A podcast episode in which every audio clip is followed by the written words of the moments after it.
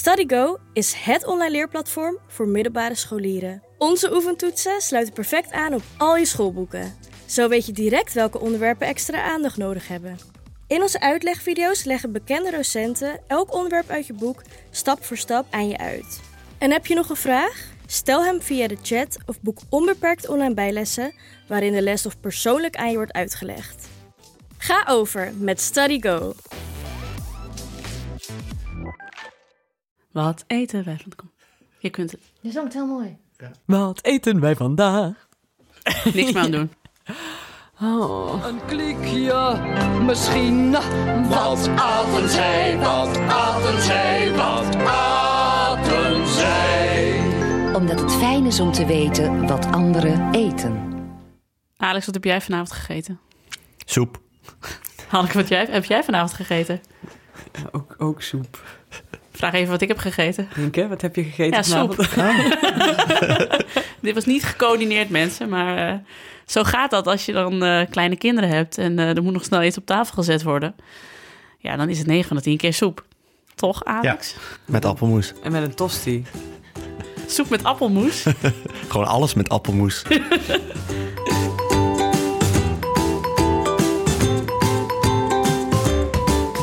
Hoi, ik ben Nienke de Jong, moeder van Janne, mijn dochter van alweer bijna één jaar oud.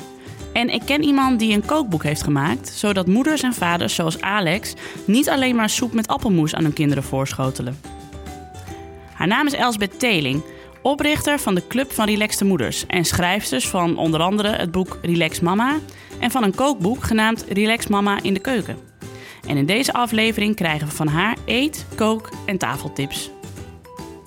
Maar voordat Elsbeth zo binnenkomt, praat ik met mijn vrienden en schrijvers Alex van der Hulst en Hanneke Hendricks. Zij zitten al klaar bij mij thuis aan tafel.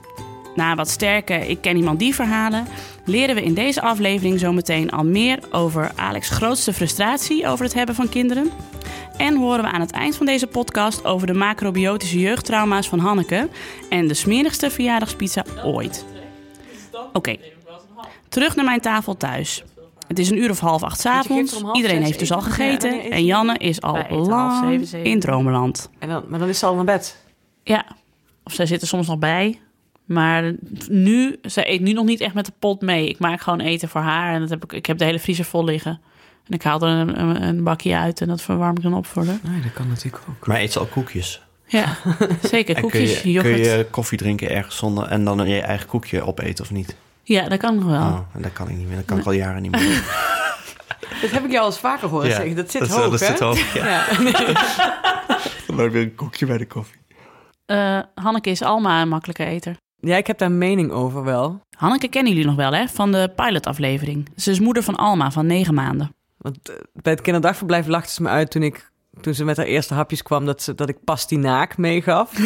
Want ze zei dat lust ze niet, pastinaak. Toen zei ik, het concept lusten, dat is nog helemaal niet aan de hand. Maar, want ze lust wel, ze eet wel alles.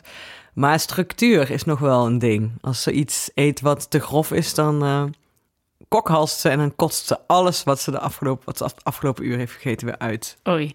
Maar ik ben tegenwoordig heel snel geworden met een handdoek. Zo voor haar houden. en dan vang ik het allemaal op en dan gaan we gewoon weer verder. Geen probleem. Ja, maar ze eet in principe alles, zolang het maar wel eh, eh, heel erg fijn gemalen is. Ik ben nou stapje voor stapje groffer aan het doen. Ja, maar dan moet ze eerst toch ook weer een paar tanden voor hebben of zo. Ze heeft al bijna zes tanden. Serieus? Ja, negen maanden. Wow. Ja, dus dan geef ik wel eens een wortel. Dat eet ze dan niet echt, maar dan hoor je alleen maar zo... dan is ze gewoon aan het raspen. Een soort hamster. Ja, ja, wel een beetje, ja. Wanneer, wanneer komt dat moment eigenlijk, Alex, dat je, dat je kinderen ineens dingen niet gaan lusten? Ja, vier volgens mij is dat. Drie à vier. Dit is Alex, Alex van der Hulst. Journalist Ja, voor onder nou, andere dat het NRC en vader van twee dochters. René van vijf en Jaren van twee. Die al jaren zijn koekjes opeten. Dus mocht je Alex ergens treffen in een café, geef die arme man stiekem je koekje. Ja, dat kan. Mijn oudste die eet eigenlijk niks. S'avonds. En overdag propt ze zich vol met appels en, en boterhammen. Maar wat doe je dan? Zuchten. En dan eh, heel lang praten. Nee, We hebben het nu zover dat ze niet van tevoren al roept wat dat het vies is. Wauw. Maar dat ze wel proeft. Want de toetje eet ze wel altijd. En Ja, moet ja. ze dan ook En- een paar happen Ja. minstens nemen? Dat Nee. is het onderhandelingsmateriaal. Het is echt Camp David. Elke avond bij ons. eh,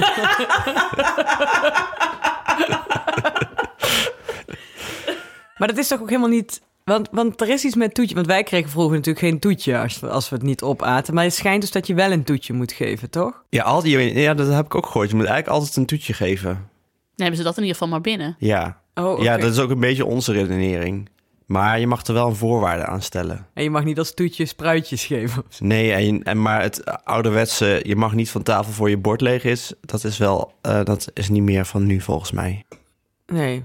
Want Dat mijn- je zo'n kind om tien uur nog achter eh, het ene spruitje ziet zitten. Ja, dat was met mijn broer. Ja, met zo'n frontje zat hij dan om tien uur s'avonds nog bij een bord koud eten.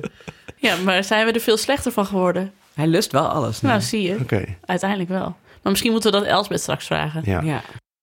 Alex, jij had toch ook zo'n, wat was dat nou? Zo'n verhaal van het kind, nee, niet het kinderdagverblijf, het consultatiebureau? Mhm. Dat krijg je, ik weet niet meer wanneer, wanneer krijg je de vraag, hoe, hoe eet het kind? Op zes maanden of zo, als je daar komt. Ja? Oh, dat kan best. Hoe, hoe eet u, eh, of nee, de vraag is, eet hij al wat? Ja, met zes maanden Ja. is dat. En dan moet je zeggen, ja, hij eet een stukje boterham. Dan ha- hoorde ik het verhaal over iemand die dan heel trots, echt super trots riep. Ja, hij heeft al een hele frikandel op. Dat is echt een hele... pro- Ja, die was er echt heel trots op. Met zes maanden? Ja, Maar met saus? dat weet ik niet. Oh. Ik ben vooral benieuwd naar de ontlasting van het kind. Ja, en de geur. Zo. Nou, soep, appelmoes, frikandellen. Ik denk dat het tijd is voor de eettips van Elsbeth Teling... die inmiddels ook haar kinderen heeft gevoederd... en bij mij thuis is aangekomen. Hoi. Ze is de oprichter van de Club van Relaxte Moeders. Een site en Facebookpagina waar vaders en moeders terecht kunnen... voor tips en lotgenotencontact. Welke? De vis in de ketchup. Oh ja, die is lekker hè? Ja, die is heel goed. Elspeth heeft trouwens twee kinderen. Kate van 12 en Teun van 6. Eerst maar eens even informeren hoe het staat met hun eetgedrag. Sowieso, als ik er niet uitkom, dan, dan, dan kijk ik bij jou. Maar helemaal als het om eten gaat. Zijn jouw kinderen eigenlijk makkelijke eters? Ehm, nou, Kate is 12, dus die eh, is inmiddels wel een makkelijke eter. Daar ben ik eigenlijk best wel trots op. Maar die eh, heeft ehm, tot haar derde kant-en-klare potjes gegeten. en dat zeg ik niet met trots. maar alleen ter geruststelling, want het komt dus goed. Nu eet ze alles. Ja, ze had wel altijd al ehm, olijven, wat wel leuk was eh, als je luiers verschoont. Ja, precies. maar was je dan eerst heel enthousiast met zelfgemaakte prakjes en zo begonnen... en dat ze dat Ja. niet had alleen over Ja. Ja, ja ehm, Kees was nogal eh, dun, want die is geboren met anderhalve kilo. Dus dat was, was altijd al een spillenpootje, nu nog steeds. Ehm, dus wij eh, dachten als eh vers gebakken ouders, ehm, we moeten zorgen dat ze veel eet. Dus ik ging inderdaad eh, aan de slag met eh, verse dingen. Maar ze moest het gewoon niet hebben. En eh, als ik er dan een keer zo'n potje Olfariet inderdaad, eh weet ik veel wat het was, eh, voorzetten, dan at ze dat wel redelijk goed. Dus ja, de, ja, dan ga je toch al snel overstag. Want ik wilde dat het hele dunne meisje toch wel wat aan zou komen. Ja. Dus zijn we toch ietsje langer met die potjes doorgegaan dan, eh, dan we van plan waren.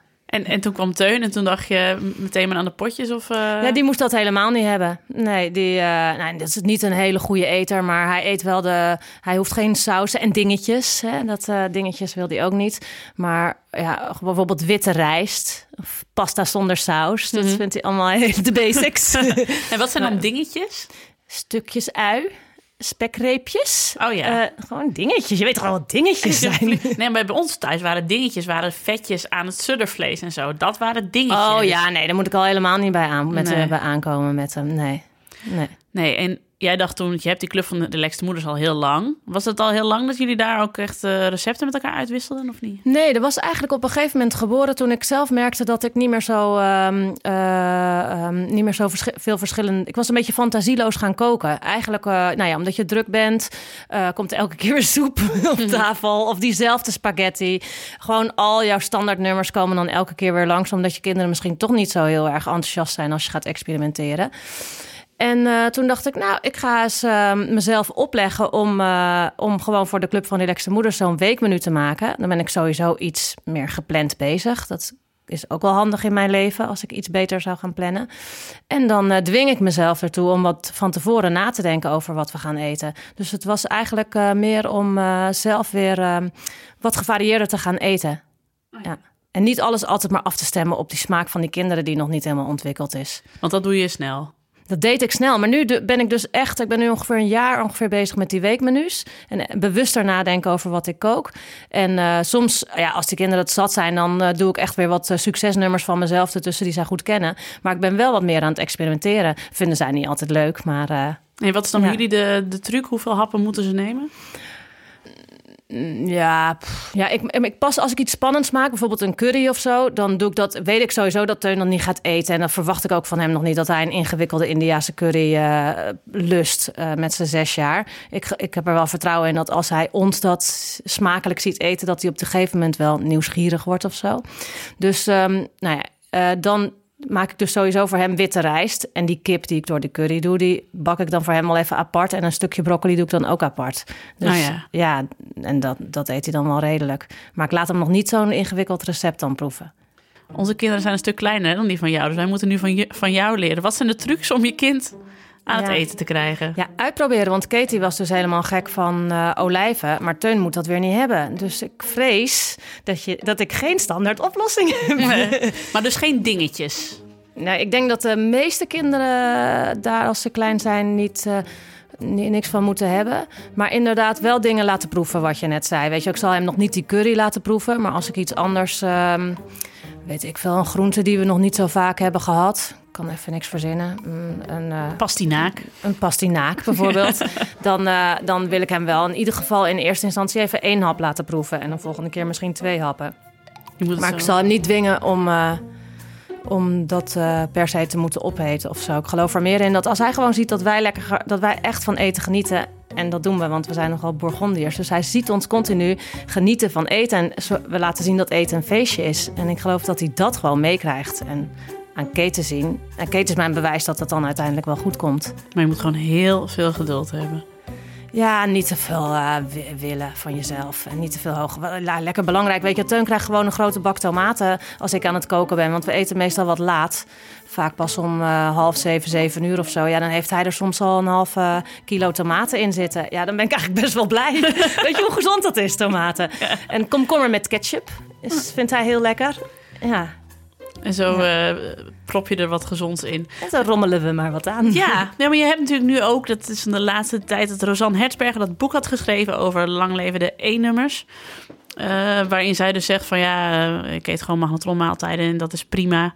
En, en mijn kind krijgt ook gewoon niet zelfgemaakte prakjes, want ik vind het allemaal veel te veel gedoe. Eh, ben jij zo'n eh, gezondheidsfreak of eh, valt het mee? Nee, ik ben helemaal geen gezondheidsfreak. Ik ben meer van het gezonde verstand, maar ik hou wel meer van. ik zal, vroeger maakte ik, pakte ik wel eens een zakje voor een spaghetti saus of zo, maar daar ben ik soort van overheen gegroeid. Ik, ik heb heel erg veel leren koken van Jamie Oliver, moet ik zeggen, in mijn studententijd. Dus ik vind gewoon een verse soep en een verse saus eigenlijk nu net zo makkelijk, want je hebt net zo snel een paar tomaten in de pan geflikkerd als een zakje opgewarmd. Dus ik vind het gewoon lekker daar. Dus, eh, dus ik maak wel meestal vers. Niet omdat ik per se geloof dat het nou altijd veel gezonder is. Maar ik gooi ook eh, met het grootste gemak een, eh een diepvriespizza in de oven voor ze, hoor. Als ik een dagje te druk heb. Of even niet lukt om te koken.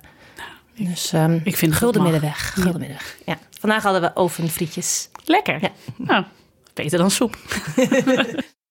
Hanneke, volgens mij hebben wij het een keer gehad over zelf de prakjes koken voor je kind. Ja.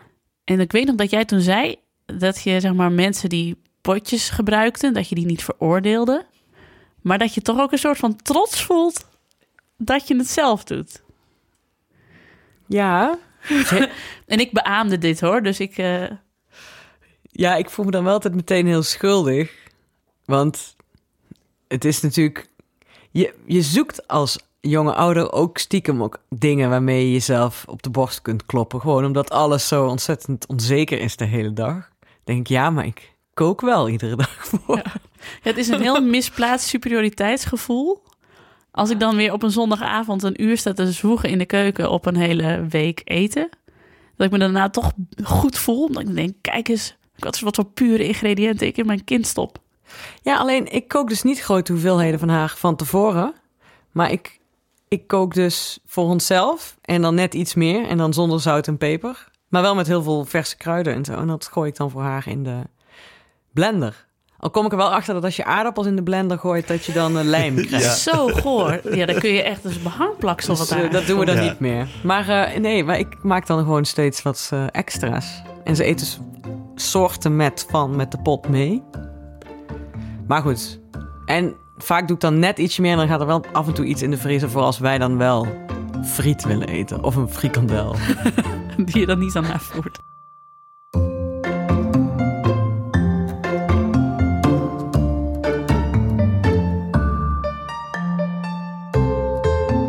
Maar jij hebt toch zo'n stoomapparaat? Ja, dit is. eh, toen Janne net was geboren, toen kreeg ik van een, eh, een, een bevriende collega kregen wij een heel duur stoomapparaat. Een babykoek. En toen dacht ik, wat moet ik hier nou weer mee, joh? Wat een onzin. Eh, maar dat was dus heel handig. Want dat is gewoon, je, je flikkert alles erin je doet er een beetje water bij. En binnen een kwartier is het klaar. En dan heb je het dus gestoomd. Dus dan krijg je zulke lekkere hapjes dat ik zelf altijd de helft op had. Maar krijgt ze ook al vlees? Daar kun je toch geen vlees in gooien? Nee, nee, nee. Nee, dus nu gebruiken we eigenlijk steeds minder. Nu er vlees bij komt en nu ik steeds grotere porties ga maken en zo. Maar voor het begin en voor fruithappen en zo was hij ook wel heel handig. Dat je dan gewoon, dit is mijn eh luie oplossing, dat je gewoon van dat eh, ingevroren fruit koopt bij de supermarkt. En dat gooi je er dan in en dan heb je fruitmoes. Maar waarom mensen fruit uit... Ik bedoel, groenten snap ik nog wel. We hebben ook wel standaard een paar potjes olveriet gewoon in de tas. Mochten we ergens een keer, weet je wel, zelf willen blijven eten. Dan hebben we voor haar een potje. Maar fruit uit potjes vind ik zo raar. Want je gooit er toch gewoon... Je gooit er gewoon een banaan in de, in de, Nee, dat hebben we in de ook gedaan. staafmixer. Voor de, voor de tweede doe je dat dan. Omdat je daar zelfs geen puff meer voor hebt... om nog eens een, een banaan in de staafmixer te gooien. Hop, het potje erin. Ja, dat hoorde ik ook inderdaad van een eh, bevriende moeder die eh, nu de derde heeft. Die zei ook, ja, ze zei bij één en bij twee doe je nog heel erg je best. En oh, van harte gefeliciteerd met jouw zelfgemaakte hapjes. Hartstikke goed van je. Ze zei bij de derde, dan stop je er gewoon olveriet en dan is God zegende greep. Ben je blij dat er überhaupt wat in komt. Je hebt gewoon veel te druk, je bent hartstikke moe. Ik heb helemaal geen zin Ja. meer. Hey, hebben jullie al eens een verslik-episode meegemaakt? Nee, vertel. Oh. Ja, dat, dat komt ook een keer dat ze zich ergens in verslikken. Iedere dag, iedere dag stikt Ja. Alma bijna in, het, in haar eten. Oké. Dus in het begin schrok ik daar ook heel erg van. Maar nu zijn we er ook een beetje aan gewend. En kun je moet- eigenlijk de baby Heimlich? Eh, het is mij twee keer uitgelegd. Je, Oh, moet, ja. het dan, je, moet, je moet ze dan over je... Been.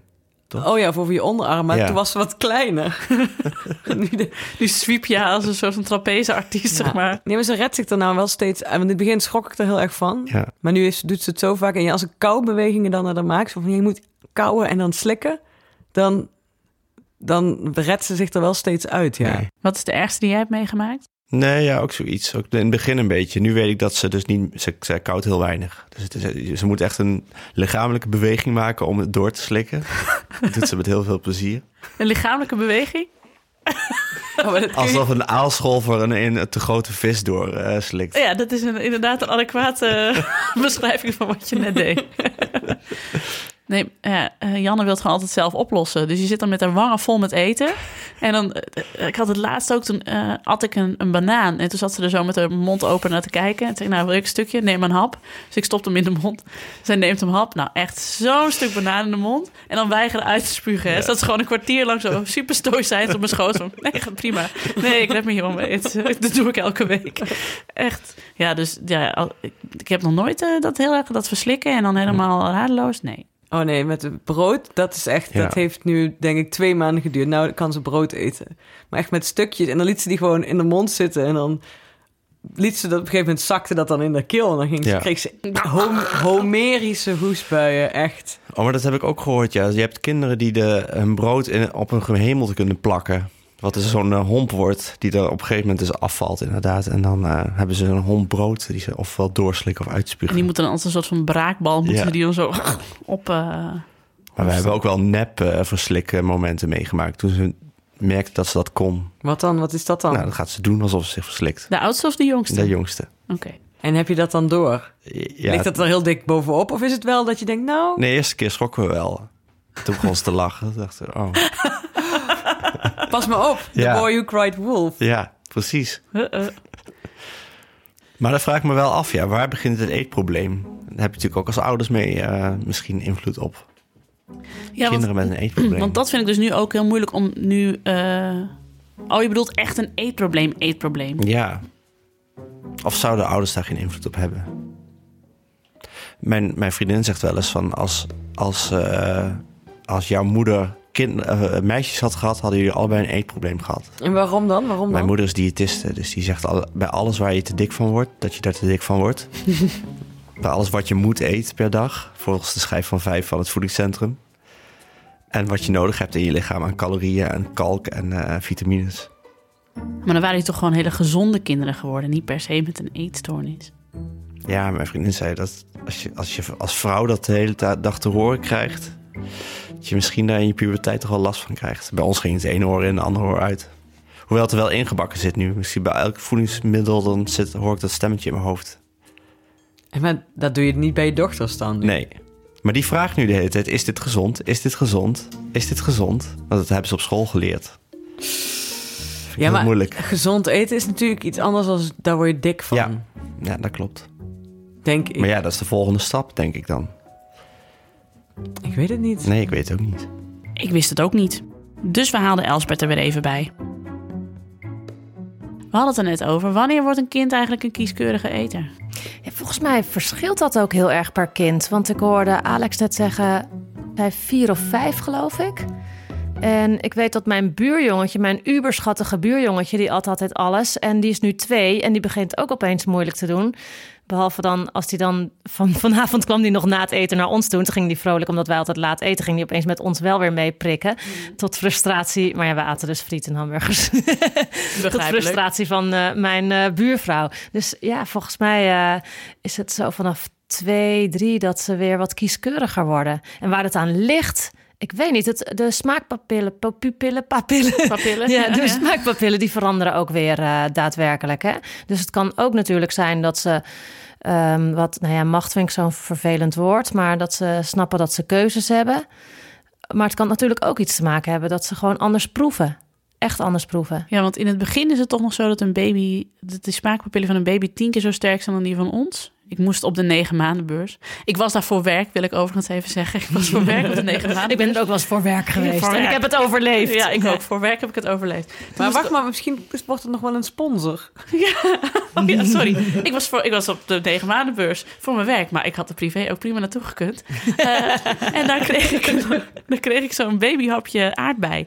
En toen gaven ze dat ook, zeiden ze, dit is hoe een kind een aardbei ervaart. En dat was echt niet te nasse zo zoet. Oh. Echt heel goor.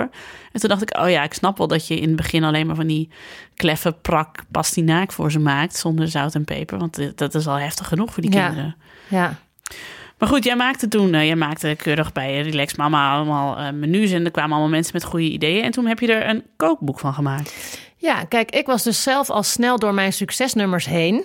En ehm, wat doe je als je met vriendinnen bent? Dan vraag je ook van, oh, wat eten jullie vanavond of wat vinden je kinderen lekker? En dat heb ik eigenlijk in het groot gedaan door op Facebook aan eh, al, iedereen die mijn eh, pagina volgt te vragen, wat vinden jouw kinderen nou echt lekker en wat vind jij leuk om te maken? Oftewel, wat is bij jou thuis het succesnummer?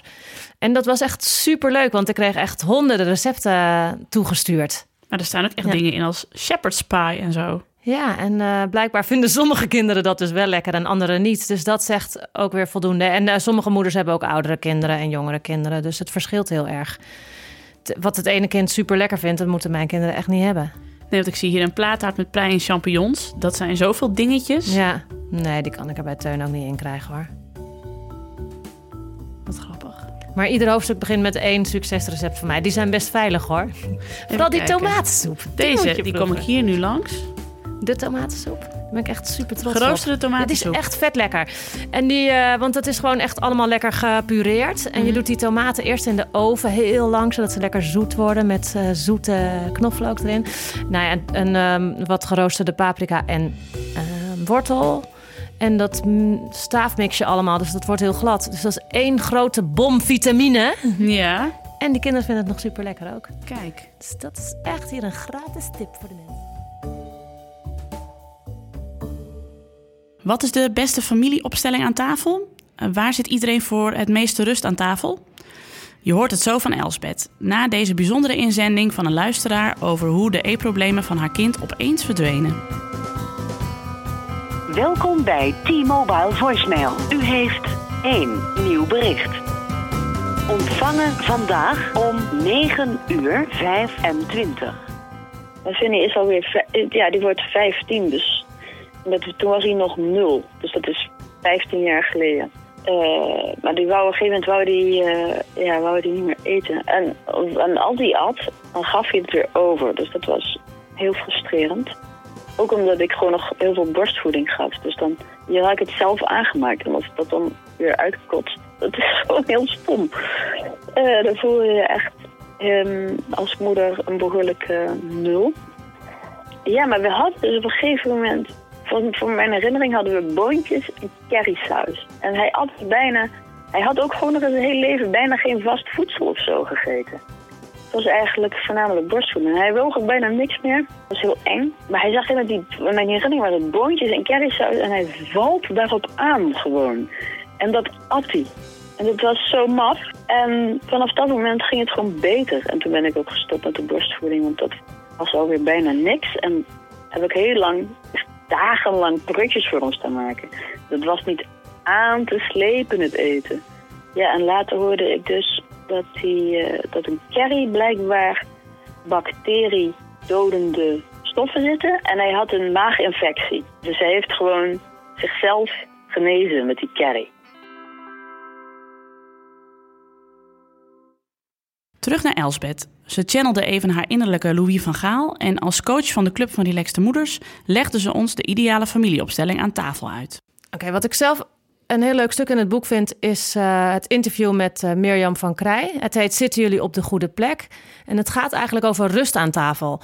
Je hebt best wel veel mensen die, eh, ehm, eh, waarbij in het gezin veel onrust aan tafel is. Dat de kinderen en niet eten, maar ook aan elkaar zitten te pulken. Dat er heel veel gedoe is aan tafel, zodat er eigenlijk nauwelijks aandacht is voor het eten.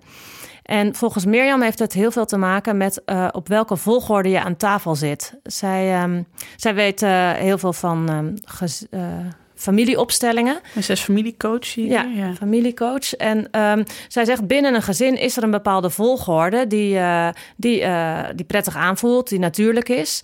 En eh, als je daar goed naar kijkt en volgens die volgorde aan tafel gaat zitten, dan zorgt het ook dat je je prettig voelt en op de goede plek. En die volgorde is, luister Mhm. goed. ehm, de, ja, nu wil ik het aanwijzen, maar dat kan je natuurlijk niet zien eh, ehm, in een podcast. Doe De- maar, leg ik het eh, uit. De vader eh, zit aan die kant, dus eh, op rechts. Ja? Dan zit de moeder ernaast aan de linkerhand, hè, zeg Ja. ik het goed? En dan tegenover de moeder zit het oudste kind, jongste kind of middelste. Je gaat met de klok mee, dus vader, Moeder, moeder, en dan de kinderen op en- leeftijd. en dan de kinderen op leeftijd. En Ah, ja. dat is een volgorde die eh, ehm, ja, past bij wie je bent, bij de rol die je hebt in het gezin. Eh, en die eh, geeft meer rust aan tafel. eh. dus dat Maar is leuk om uit te proberen. Hoezo zitten dan de vader en de moeder? Die kun, je, kun je die niet omdraaien? Als de rol in de gezin van de vader. Ja, ik weet eigenlijk niet precies waarom het zo is. Maar denk eens na bijvoorbeeld die, familie, die, die volgorde... die hou je denk ik bij andere dingen soms ook bewust aan. Hoe schrijf jij bijvoorbeeld als je vanuit jouw gezin... een verjaardagskaart schrijft aan, eh, aan iemand? In welke volgorde schrijf je de namen op? Ja, dan deed je het altijd van oud naar jong. Ja. Ik doe Henno, Elsbeth, Kate en Teun. Henno is echt vijf jaar jonger dan ik. Oh ja. Nee, ik doe het vanwege wie, van wie de bekende is. Oh ja, dat is ook grappig. Oh ja. ja. De eerste. Maar ik denk dat veel, men, veel eh, mensen doen man, vrouw, oudste kind, jongste kind. Oudste kind, jongste kind doe je sowieso wel, denk ik. Mhm. Ja. Maar het ligt eraan wie de kaart schrijft. Als ik de kaart schrijf, zet ik mezelf niet als eerst. Zeg ik mezelf ook altijd laatst. Ja. Maar ik weet inderdaad wel dat bij heel veel eh, gezinnen zit zeg maar de moeder op een strategische plek om één kind te voeren of uit te schakelen of eh, op, aan tafel te houden. En de vader zit aan de andere kant om een ander kind eh, klein te houden. ja. Ik, ik zie Alex nu klikken, knikken. Alex, moet jij even mijn. eh, Hoe is dat bij jullie? Nee, wij zijn... de jongste zit al aan, de, aan het hoofd van de tafel. Dat noem je een koningskind. En volgens Mirjam is dat niet de beste kind, eh, beste plek voor het jongste kind, want dan krijgt hij eigenlijk te veel verantwoordelijkheid. Ik citeer Mirjam, hè? Het is meer dat, de, dat de, de kinderstoel eigenlijk niet zo goed ergens anders Bij ons zit Teun ook op die plek, hoor. En, en ze, ze stilt het eten van anderen. Oh, dat is wel grappig. Dus Ah, dus- uit de buurt zitten. Dus het kind moet niet aan het hoofd van de tafel Nou ja, zitten. moeten, moeten. Het is natuurlijk alleen als je er een probleem mee hebt. Hè? Als je geen probleem hebt en als dat kind daar zit en er is genoeg rust en vrolijkheid en gezelligheid aan tafels, dan zou ik hem zou ik er lekker laten zitten. Maar als er veel onrust is in een gezin, dan kan je eens uitproberen om te kijken of die volgorde aan Ja, ja, tafel. ja. Ik vond het een hele leuke theorie en het is sowieso wel leuk om uit te proberen. Ja. Oh, dat is En ik heb ook van heel veel mensen gehoord dat het inderdaad eh, rust geeft. Wij hadden het vroeger zo dat mijn, mijn jongste broertje... die kon niet eten als wij allemaal aan het kletsen waren. En wij kwamen dan allemaal uit school en dan hadden we druk, druk, druk. En met z'n- ook vijf broertjes en zusjes? Eh, ik had eh, drie, broer, drie broers. Oh, jullie waren in totaal met je ouders Ja, met z'n zessen. zessen. Dus dan was het, eh, en dan wilden we allemaal ons verhaal vertellen wat we op school hadden meegemaakt. En dan zaten we door elkaar te, nou niet door elkaar te gillen, maar we zaten elkaar de hele tijd ook vliegen af te vangen. En het was ook zaak om dan een hele goede anekdote te hebben, want dan kon je iemand over, overtroeven. En op een gegeven moment zei mijn vader dan, mijn moeder zei dan altijd van, nou al maar even je mond houden, want Jelte moet eten. Want die zat dan echt al een kwartier met zijn lepel zo halverwege zijn mond. nou, ons met overmond naar ons te luisteren, omdat hij gewoon, eh, ja, hij kon dat niet. Dus dan was het even vijf minuten stil en daarna begonnen we weer. Oh ja, bij mij helpt het ook wel om Teun aan het eten te krijgen door een verhaaltje te vertellen. Dus als, ik, eh, als hij dan een hap broccoli moet hebben of zo, dan is dat het broccoli monster. En, eh, dan, ja, en dan vind ik het ook leuk om allemaal een zin van het verhaaltje te doen. Dus ik begin dan en dan doet, eh, wie moet er dan naast me zitten? Kate. Oh ja. Dan moet Henno, dan, iedereen moet dan, en dan, dan, vindt hij het, dan is hij afgeleid en dan eh, glijdt dat eten er wel makkelijker in. Sowieso, wat is dat met kinderen en een geluid bij een hap maken? Dat is ook Wat je iets- zelf doet. Ja, wat Ja. je, maar wat je je als, als niet-ouder niet kunt voorstellen... dat je ooit zo'n sukkel gaat worden. En dat je na een half jaar ineens jezelf ziet zitten en dan zo... En hier komt het paard aan. En wat doet het paard voor werkt dus. geluid? Het hief. Ja, grappig. Hier, daar gaat.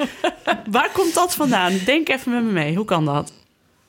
Ja, omdat het, omdat, ja, ja, omdat het blijkbaar werkt. Afleiding. Ja. Dus het, je moet het verhaal ook zo spannend maken... dat ze altijd een mond open hebben. En dat je spiegelt, hè? Dat als, eh, als je Janne een hap geeft, dan doe je waarschijnlijk zelf ook je mond open. Ja, Terwijl die lepel toch niet, echt niet jouw mond ingaat. nee, precies. Maar dan denkt zij, oh ja, lachen. Gewoon Ja, want nadoen. het is wel gênant. Ja, soms zit ik dus ook inderdaad, want ik moet allemaal tijd voordoen dat ze moet kauwen.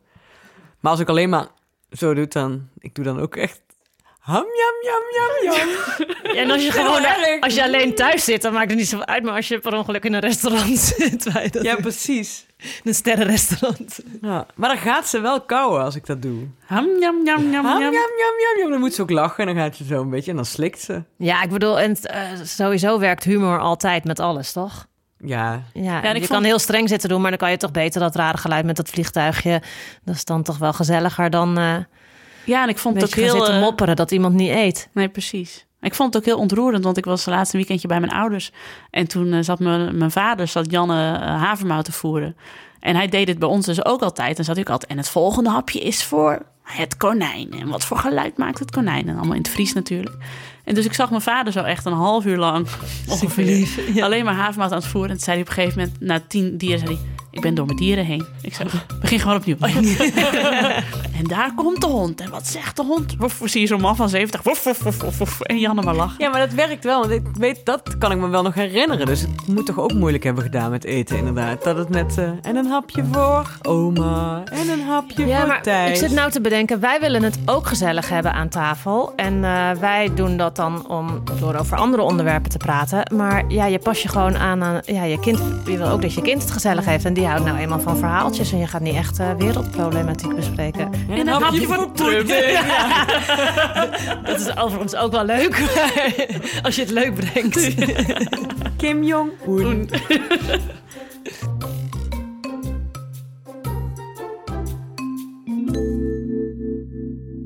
Ja, thuis kun je daar allemaal mee wegkomen. Met die gekste geluidjes maken en je kinderen de vlaaflip tegen de muur laten gooien als 21ste eeuwse Jackson Pollocks. Maar dat doe je niet in een restaurant. Dus had Elsbeth ook nog wel enkele uit-eettips voor ons. Gaan gaan jullie vaak met de kinderen uit eten, Elsbeth? Toen we alleen nog Kate hadden, toen deden we dat wel regelmatig. Die, eh, die namen we mee met een kleurboek. Dat was namelijk in de tijd voor de iPad. Mhm. Dat zei, die is al, het is al heel lang geleden.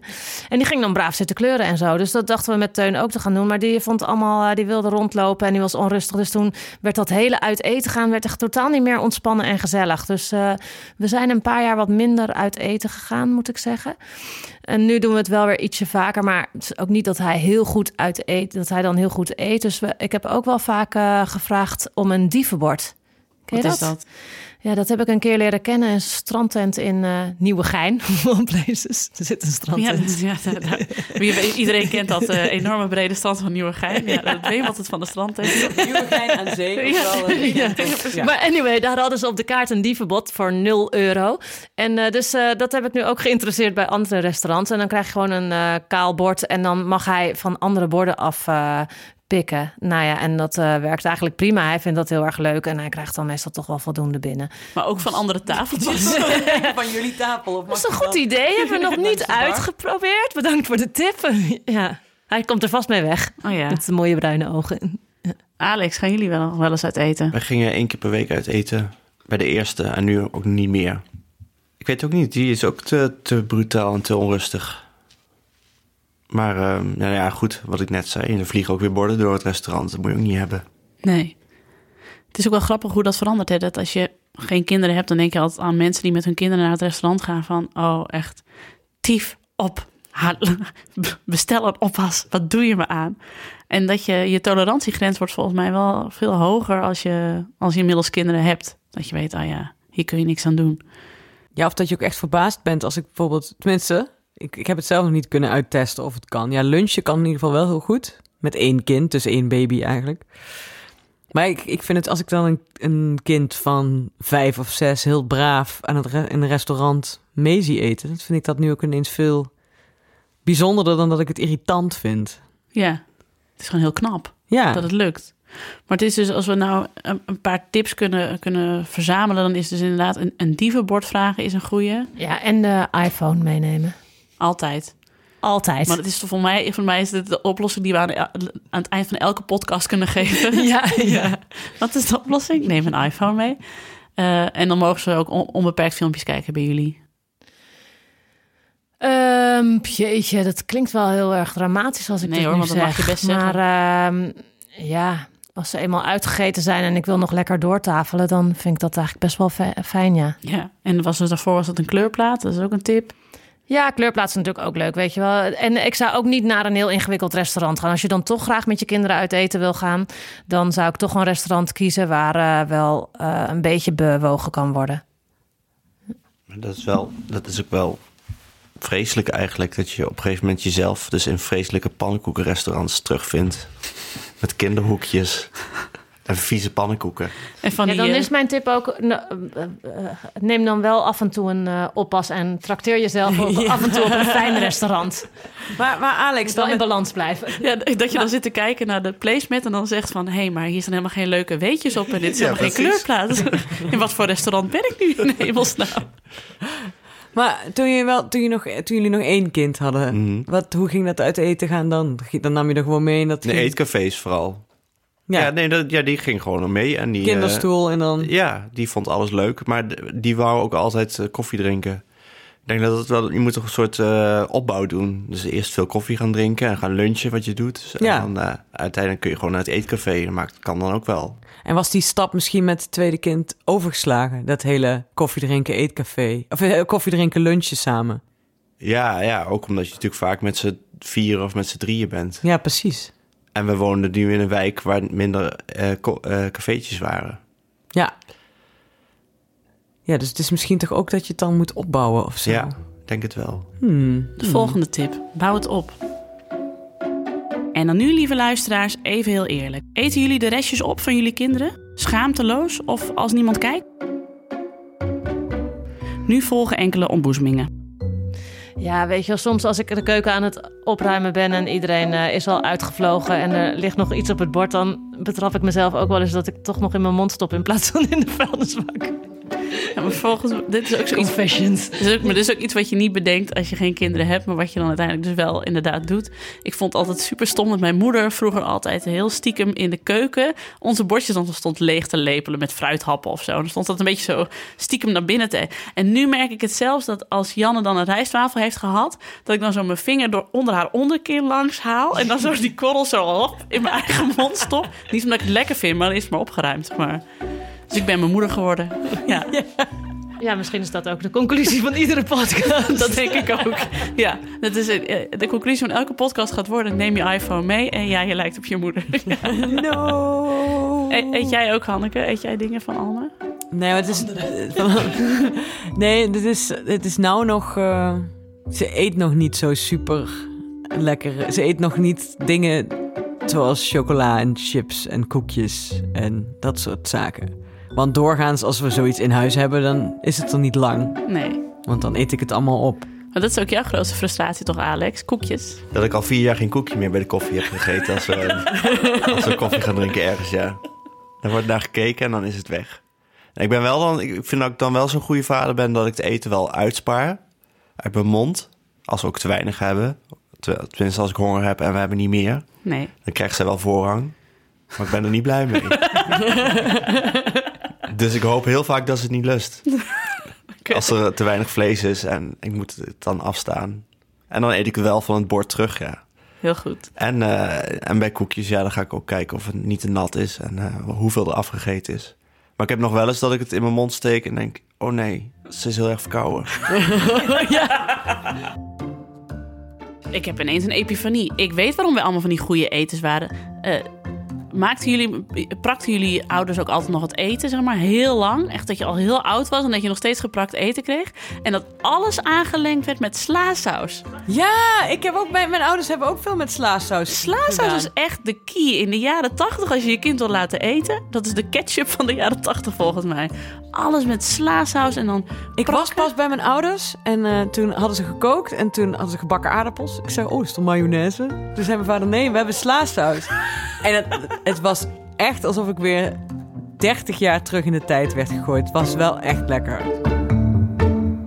Ik ken wel iemand die eh, thuis vroeger altijd een eh, bordje gezelligheid kreeg. En dat vind ik zo'n leuke eh, traditie dat ik hem zelf ook denk ik ga in. eh, En wat is dat?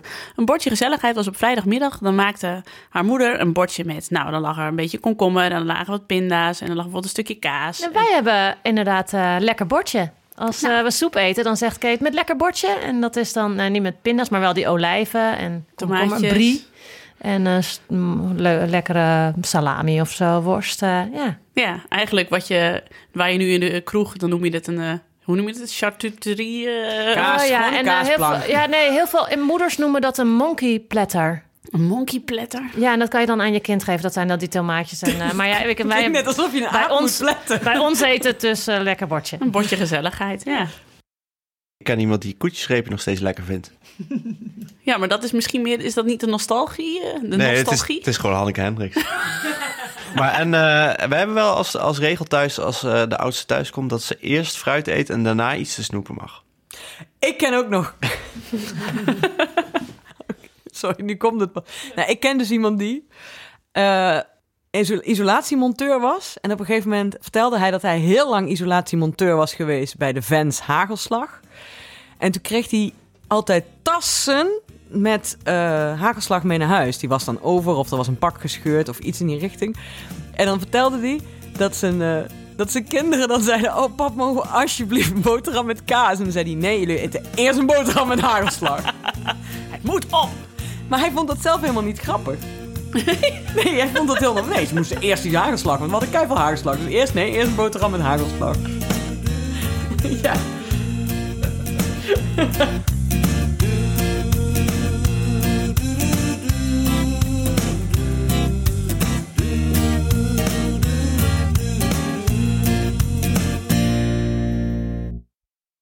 Denk eens even terug. Vroeger, als je thuis kwam van school of als je even alleen thuis moest blijven, wat kreeg je dan voor lekkers van je ouders? Wij wisten het nog. Kleine waarschuwing: deze denkoefening kan ook tot nare resultaten leiden. Zo herinnerde Hanneke zich ineens dat ze de eerste jaren van haar leven alleen maar kapotgedrukte chips heeft gegeten. Arm kind. Toen ik, als, toen ik oud genoeg was dat mijn ouders s'avonds weggingen en ik alleen thuis mocht blijven, kreeg ik als compensatie de keuze een Snicker, een Raider of een Mars. Een reder. Wat koos je dan? Elke keer iets anders. Oh, live a little. Wij kregen altijd een bakje chips. Maar ik had ook vrienden die kregen altijd eh, chips in een koffiefilterzakje. Ja, dat was een beetje zo de. Wokkels. Wokkels in een koffiefilterzakje, inderdaad. Wij zaten een keer met vrienden op te bieden wie het minst kreeg vroeger. Want wij hadden ook van die hele kleine houten bakjes. En dan mochten we mochten bij ons in huis altijd bij mijn ouders alles in twee. Twee kommetjes chips, twee koekjes, twee glazen fris. Weet je wel, niet eh, meer. En alleen op zondag fris, op zaterdag chips. Maar dan drukten we de chips altijd zo helemaal plat, zodat je er meer in het bakje kon. Weet je, dus ik heb de eerste jaren van mijn leven altijd gewoon kapot gedrukte chips gegeten. Maar toen later zei een vriend van mij, en die is twee meter lang, en zijn broer ook, en die, die hoorde al die verhalen aan. Toen was het even stil en toen zei hij, wij kregen altijd ieder een eierdopje zoute pinda's en dat was het. Oh, wij kregen echt zo weinig friet en snoep en, en dingen. Maar bij een vriendin van mij, daar kregen ze dat iedere week. Kregen ze op zondag friet. En dan probeerde ik iedere week dat ik daar op zondag at. En dan eh, mocht ik de helft van de tijd niet zeggen... nee, je bent vorige week al bij Eve wezen eten. Maar, die- daarom lust jouw kind dus nu pastinaak. Ja, dat hoop ik dan, ja. Maar wij, als wij bijvoorbeeld friet aten bij mij thuis... dan was het gewoon vlees, groente en een zak friet. Dus dan was het niet eens friet met een snack of zo. Nee, wij moesten ook altijd de groente bij. En erger nog, we deden nooit friet met, want mijn moeder had halverine in huis. Ja, bij slaasaus. Ja, Oh, kennen jullie trouwens het concept friet op tafel? Die is ook heel leuk als je kinderen hebt. Dan eh, gooi je gewoon een eh, groot eh, plastic kleed op tafel. En dan haal je friet. En kroketten en frikandellen natuurlijk. Of andere meuk die je wil hebben. En dan pak je geen bord. Is ook leuk voor een kinderpartijtje. Dan, als je die kind iets gezonds wil voorschoten.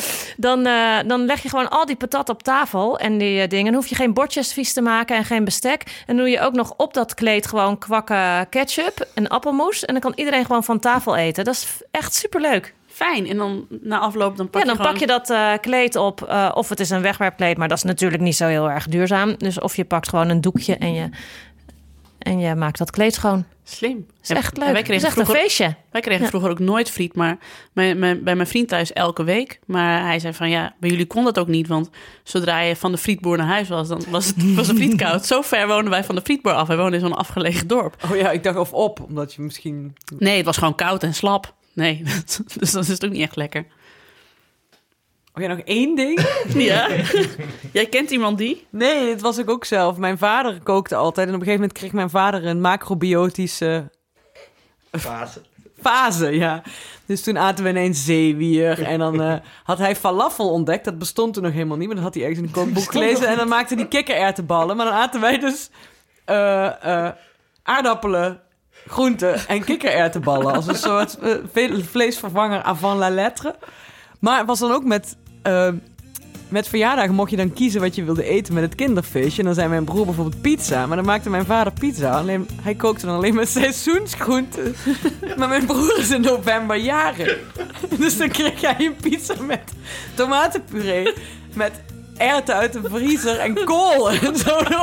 Met zelf ge- uitgerolde eh, volkoren deeg. Dat is mijn jeugd dus ook geweest, hè? En ik at dat gewoon allemaal. Ik at dat.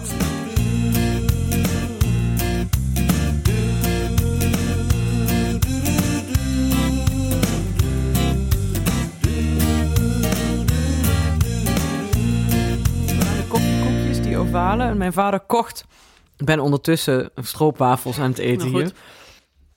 Maar hij heeft die koekjes dus jaren gekocht. Omdat hij een theorie had, als ik deed het dezelfde koekjes... dan vreten ze niet meer stiekem de koektrommel leeg. En dat deden we dus ook niet. En die koekjes, die eet ik dus ook nog steeds niet... omdat ik die in mijn leven heb ik daar pakken van Van die gegeten. café noir. eh. Nee, nee, die zijn lekker. Maar die, gewoon de goedkoopste koffiekoekjes. ja. Ja, Nee, nee, die nee, zijn lekker, maar ja, ik weet welke jij bedoelt. Die hele droge, donkere koekjes. Ovaal. Ja. En die, als je die bij de koffie krijgt, inderdaad, in een, in een café of zo, dat je al denkt, nou, had het niet even, had je niet Ja. even uit kunnen pakken? Die hebben wij dus jaren gehad, ja. En op een gegeven moment, mijn ouders verstopten ook vaak het snoep, weet je wel. Vooral als we dan wel op zondag snoep mochten. Maar op een gegeven moment werden wij ook, vooral toen we uitgingen, werden we heel goed. En dat s'nachts, als we dan uit de kroeg terugkwamen dronken, mijn broers en ik, gingen we dan dat zoeken. en ik heb wel eens achter de stortbak een reep chocola gevonden. We maken Dat gewoon, was echt triomf, was dat. We maken gewoon een, een, een, een aparte aflevering van Ik ken iemand die met eh, Hanneke Hendricks een eettrauma in 16 delen. En dan nodig ik mijn broers ook uit. Dat dus misschien een volgende keer. Maar niet de eerstvolgende uitzending, want die gaat over veiligheid. Hoe vaak heb jij je kind al laten vallen? Heeft je kind een fietshelm op? Dat soort dingen. Dat was het weer mensen. Dank voor het luisteren. Als je dit nou leuk vond, geef ons dan alsjeblieft een fijn review op iTunes of deel deze podcast met je vrienden of met andere ouders. Dank daarvoor. Ook veel dank aan Elsbeth Teling. Volg haar Club van Relaxte Moeders op Facebook, lieve luisteraars. Dank ook aan mijn tafelgenoten Hanneke Hendricks en Alex van der Hulst. De productie was deze keer weer in handen van Anne Janssens en Tim de Gier van Dag en Nacht Media. De Wat Aten zei jingle aan het begin van deze podcast is van de onvolprezen Ron Flon Flon met Jacques Pavon Show. Oh, en heb je zelf een leuk Ik ken iemand die verhaal? Laat het ons weten door een voicemail in te spreken op 06 81 80 4297. Het nummer zetten we ook in de show notes. Dat was het weer. Mijn naam is Nienke de Jong. Tot de volgende keer. Binnenkort een toets? StudyGo is het online leerplatform voor middelbare scholieren. Wist je dat onze oefentoetsen en uitlegvideo's aansluiten op alle schoolboeken? En heb je lesmiddag nog een vraag? Boek een online bijles of stel je vraag via de chat. Ga over met StudyGo.